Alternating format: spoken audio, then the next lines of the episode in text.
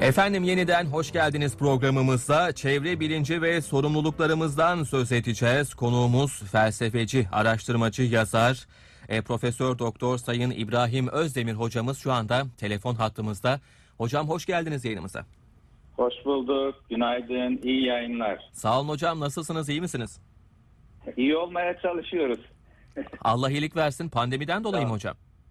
Yok, yok, yok. Bu son zamanlarda ülkemizde yaşanan e, çevre sorunlarından Anladım. dolayı. Evet, evet, evet. Özellikle bu müsilaj olayı hepimizi çok üzdü. Denizlerimizin kirlenmesi, Marmara'nın kirlenmesi. Evet, evet. Marmara sadece Marmara kirlenmiyor. Marmara'daki bütün ekolojik sistem etkileniyor. Hı hı. Balıklardan tutunuz yosunlara kadar. Hı hı. Bunların üzerinde düşünmemiz lazım. Bunları kendimize dert edinmemiz lazım. Kesinlikle. çözüm yollarını düşünmemiz lazım.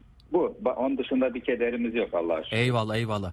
E, hocam peki yani hem ülkemizde hem de dünyada çevre e, sorunları biraz alarm veriyor gibi sanki. E, ne dersiniz E, gerçekten böyle kötüye doğru bir gidişat mı var? Şimdi hem e, yani tüketim tarzımız, hı. yani tüketim tarzımız, yaşam biçimimiz e, çevreyi etkiliyor. Yani kullandığımız suyun miktarı, şekli ve oranı çevreyi etkiliyor. Hı hı. Yediklerimiz çevreyi etkiliyor. Nihayetinde biz annemizde doğduğumuz andan itibaren ilk dikkat edilen nedir? Ciğerlerimize oksijen gidiyor mu? Onun için çocuğun ağlaması herkese bir mutluluk sevinci verir. Ha temiz hava gidiyor, ciğerler çalışıyor. Hı hı. Şimdi bizim ciğerlerimize giden hava kirleniyorsa, bizim içtiğimiz su kirleniyorsa, bizim yediğimiz gıdalar, gıda ürünleri çeşitli şekillerde kirleniyorsa, yani tarım ilaçlarıyla bu olabilir, e, ondan sonra GDO'lu ürünler olabilir. O zaman bu bizi etkiliyor ve bu da dönüyor tabiatı etkiliyor. Yani biz tabiattan ayrı bağımsız bir varlık değiliz. Bunu anladık. Çevre olayları bize bunu anlattı. Yani 1960'tan bu yana dünyada yaşadığımız çevre olayları insanın tabiatın efendisi, tabiatı istediği gibi kullanacağı bir e, varlık olmadığını anladık. İnsan tabiatın mütevazi bir üyesidir. Hı hı. İnsan hem dünyaya gelmek hem varlığını sürdürmek için tabiata ve tabiatın sağlıklı olmasına muhtaçtır. Dikkat ederseniz dünyada küresel bir göç yaşanıyor. Bu iklim değişiklik de- değişikliğinden dolayı, savaşlardan dolayı, Hı hı. ondan sonra kuraklıklardan dolayı insanlar nereye gidiyor? Daha iyi yaşamın olduğu bir yere doğru gidiyorlar. Yani umudun olduğu yere gidiyorlar. Bunun için bizim tabiatla ilişkimizi iyi tutmamız lazım. Havamızı temiz tutmamız lazım. Suların, derelerimizin, nehirlerimizin, ondan sonra denizlerimizin, göllerimizin sağlığı bizim sağlığımız. Buna dikkat etmemiz lazım. Evet. Biz buna iyi davranmadığımız takdirde e, bu bozuluyor ve bu da dönüp bizi etkiliyor. E, bizde sanki hocam az önce söylediğiniz konu oldukça önemli. Şöyle bir anlayış vardı. Biz e, tabiatı tüketiriz. E, hatta e, sömürebiliriz. Ay, tabiat kendini bir şekilde yeniler, temizler ve doğal konumuna e, kavuşur diye bir anlayış var ama herhalde öyle değil. E, biz eğer ona bakarsak e, bu bir ekosistem çer- çerçevesinde ilerliyor hayat. E, biz bakarsak o da bize bakar. Bakmazsak e, sorunlarla karşı karşıya kalabiliriz'i anlamış gibiyiz öyle mi? Evet. Şimdi biz e, Orta Asya'dan buraya atalarımız geldi. Yani Hı hı. e, bize bildiğimiz kadarıyla yine oradaki e, bir çevre sorunundan, kuraklıklardan dolayı biz Anadolu'ya geldik ve o zaman yani geleneksel toplumlarda bir yerde tabiata verdiğiniz yani tabiatı tüketmeniz, tabiatla ilişkileriniz diyelim orada kaynaklar azaldı. Oradan göçüp başka yere gidiyordunuz. Tabiat kendisini tamir edebiliyordu. Hmm. Fakat sanayileşme ile birlikte tabiat, tabiatın e, biz tabiata sentetik e, şeyler e, atıklar vermeye başladık. Bunlar petroldur, yağdır, zehirlerdir, e, plastiktir. Mesela bir plastik bin yılda çürümüyor. Evet. evet. Tabiat bunu bir şey Evet. yapamıyor. Hı hı. Ben Maldiv adalarına gittim iki yıl önce. Hı hı. Orada özel bir program çerçevesinde oradaki mercan kayalıklarındaki çevre felaketini bana gösterdiler. İnsan denizin altında insanın gözlerinden yaş geliyor. Hı hı. Yani o- okyanuslar kirlenmiş. O balık çe- balıkların e, balıklara takılan çeşitli şeylerle e, plastik şeylerle plastik e, ürünleri mesela kaplumbağaya takılan bir poşet kaplumbağanın yüzmesini engelliyor ve kaplumbağa ölüyor vuruyor. Balıklar öyle. Tabi burada bütün böyle bir çevrede yetişen balıkları biz yiyoruz. O bir şekilde bize geliyor. Yani şunu diyeyim bizim modern hayat tarzımız yani ürettiğimiz sentetik maddeler atıkları tabiat dönüştüremiyor, temizleyemiyor. Evet. Bugün ülkemizin e, bir numaralı gündemi haline gelen Marmara Denizi'ndeki olay da bu. Hı hı. Marmara Denizi 40 yıldır bizim ona ilgisiz olmamız.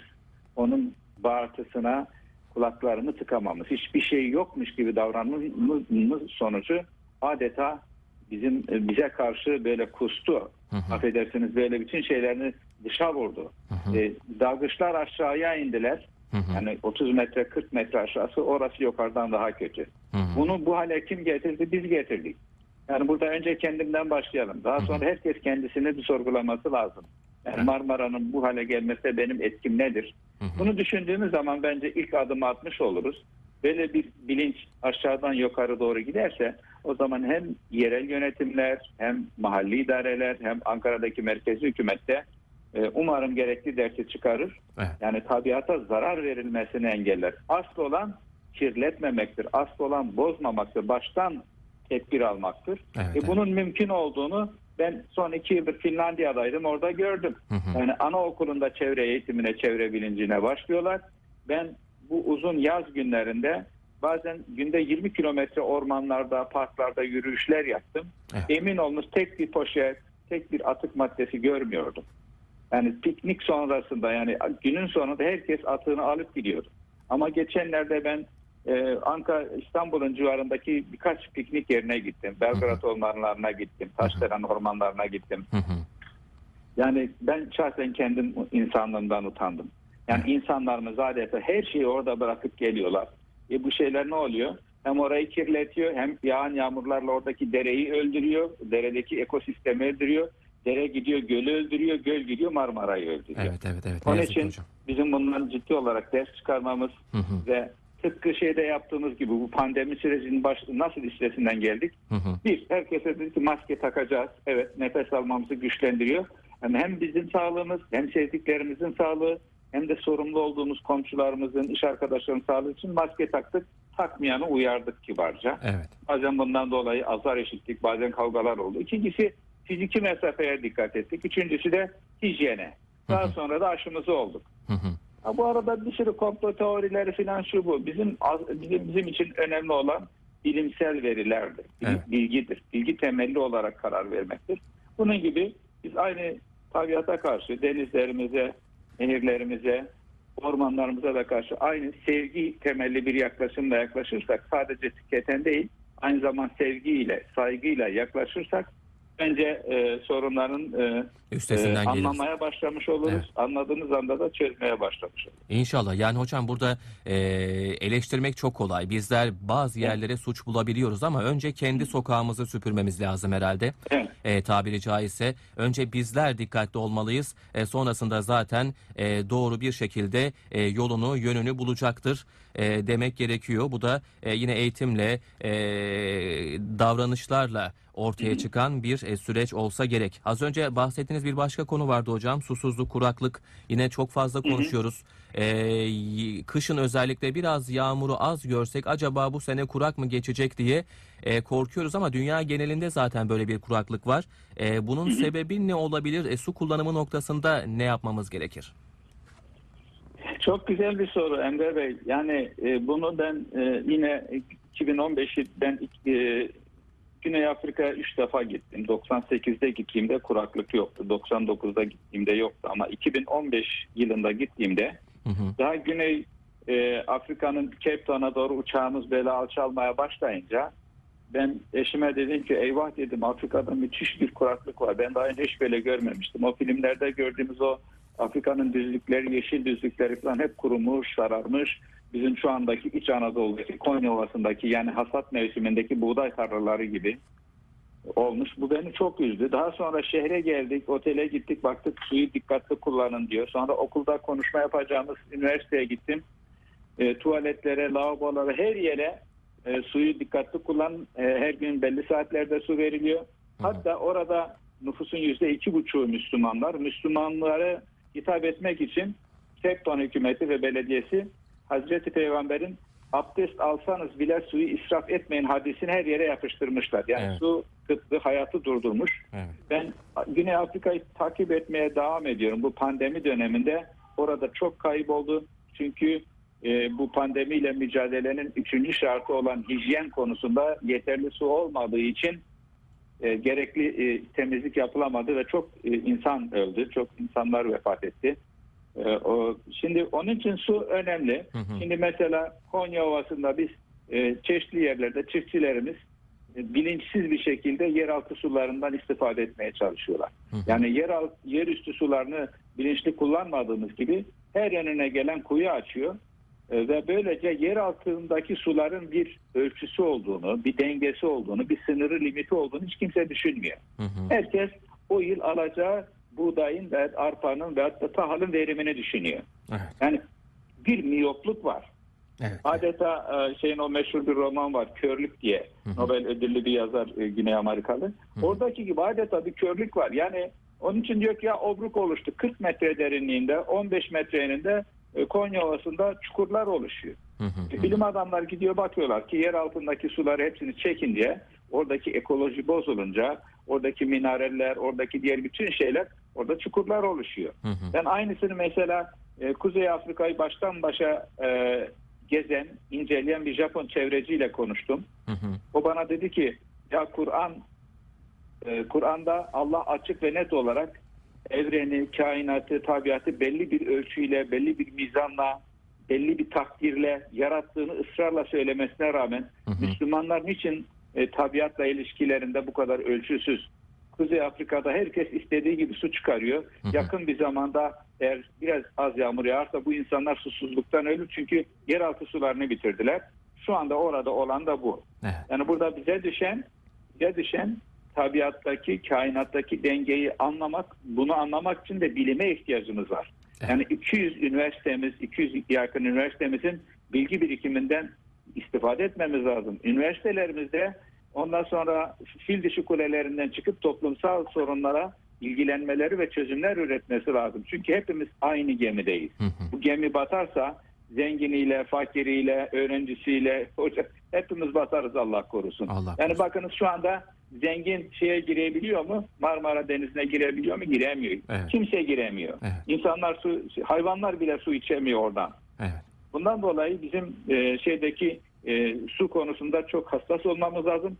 Hem kültürümüzde su gibi aziz ol sözü var. Yani Hı hı. suyu suya biz sadece bir madde olarak bir e, olarak bakamayız. Su bizim için hayatın kaynağıdır. Hı hı. Ha, Allah da Kur'an'da öyledir. Biz her şeyi, bütün canlıları, hayatı sudan yarattık der. Hı hı. Ve siz demin çok güzel söylediniz. Yağmur sularından bahsettiniz. Hı hı. Bizim kültürümüz yağmur sularına yağmur demez, rahmet der. Doğru, doğru. Hani Nisan yağmuruna rahmettir, yağmura rahmettir.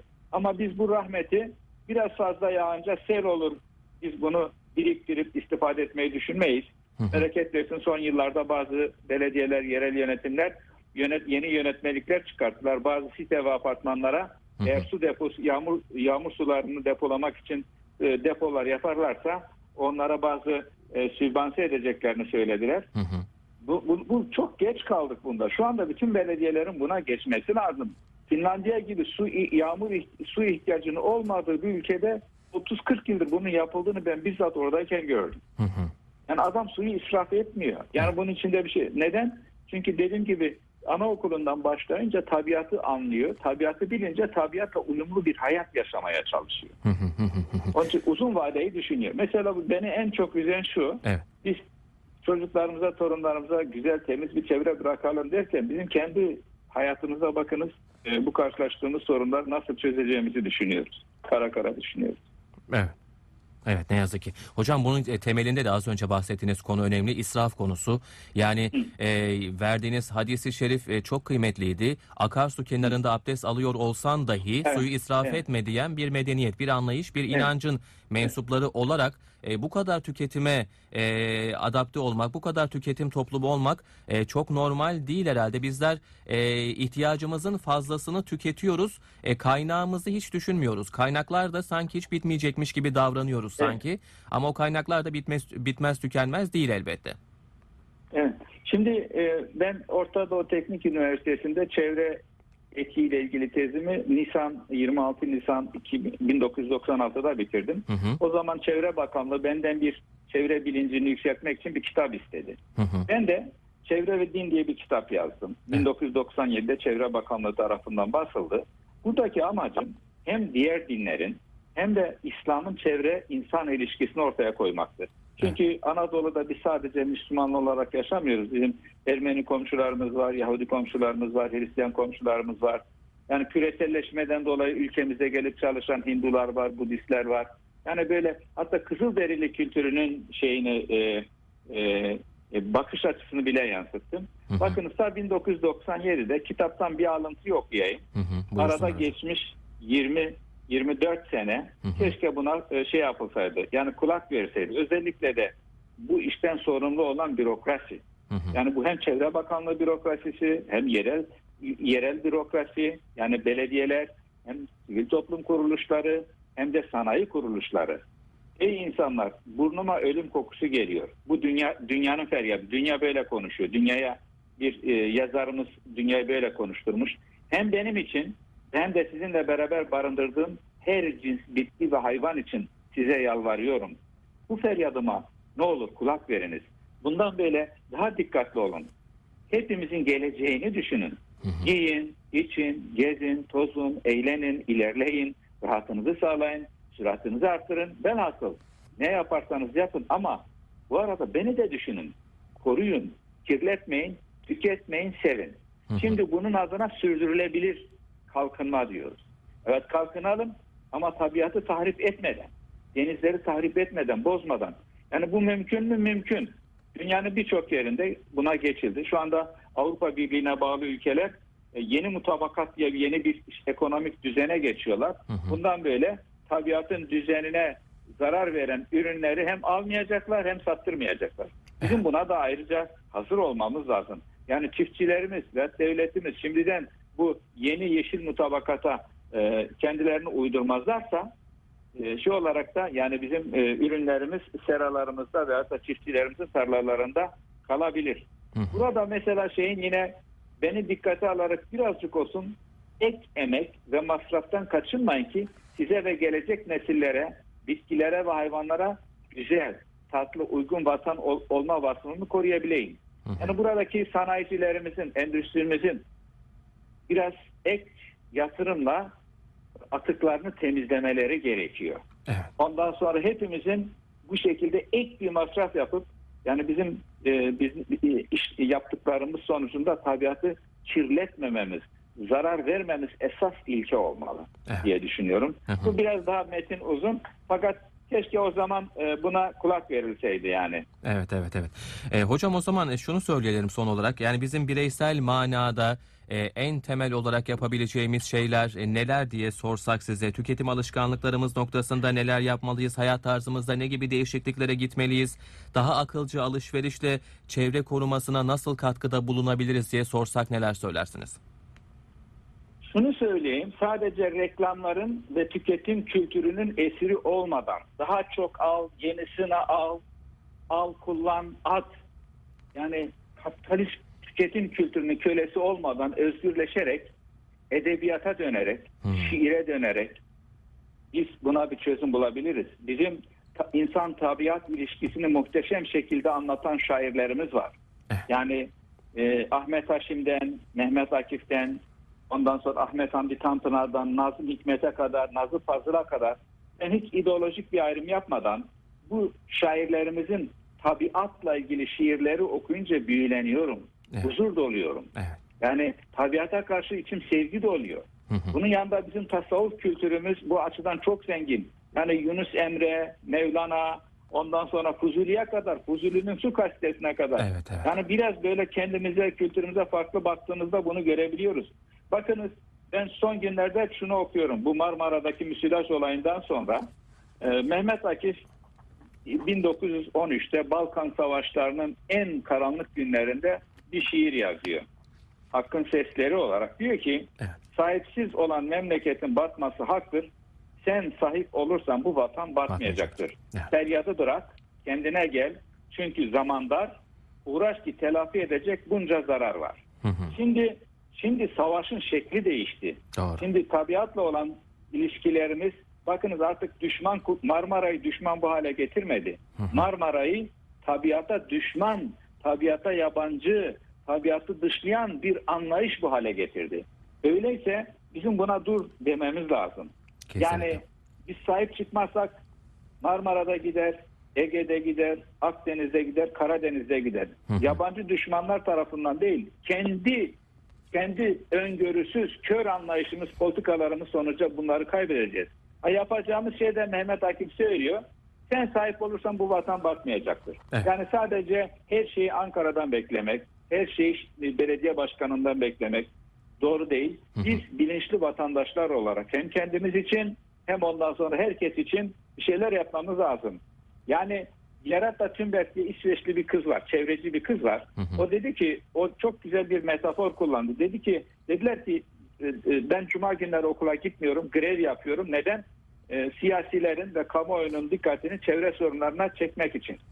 Ya dediler ki sen önce git okulunu bitir, ondan sonra e, işte bu konularla ilgilenirsin. Dedi ki evim yanarken okula gidemem. Şimdi dikkat ederseniz insanın evinde yangın varken ya anneciğim babacığım işte biz itfaiye telefon ettik onlar şimdi gelip söndürür demiyoruz.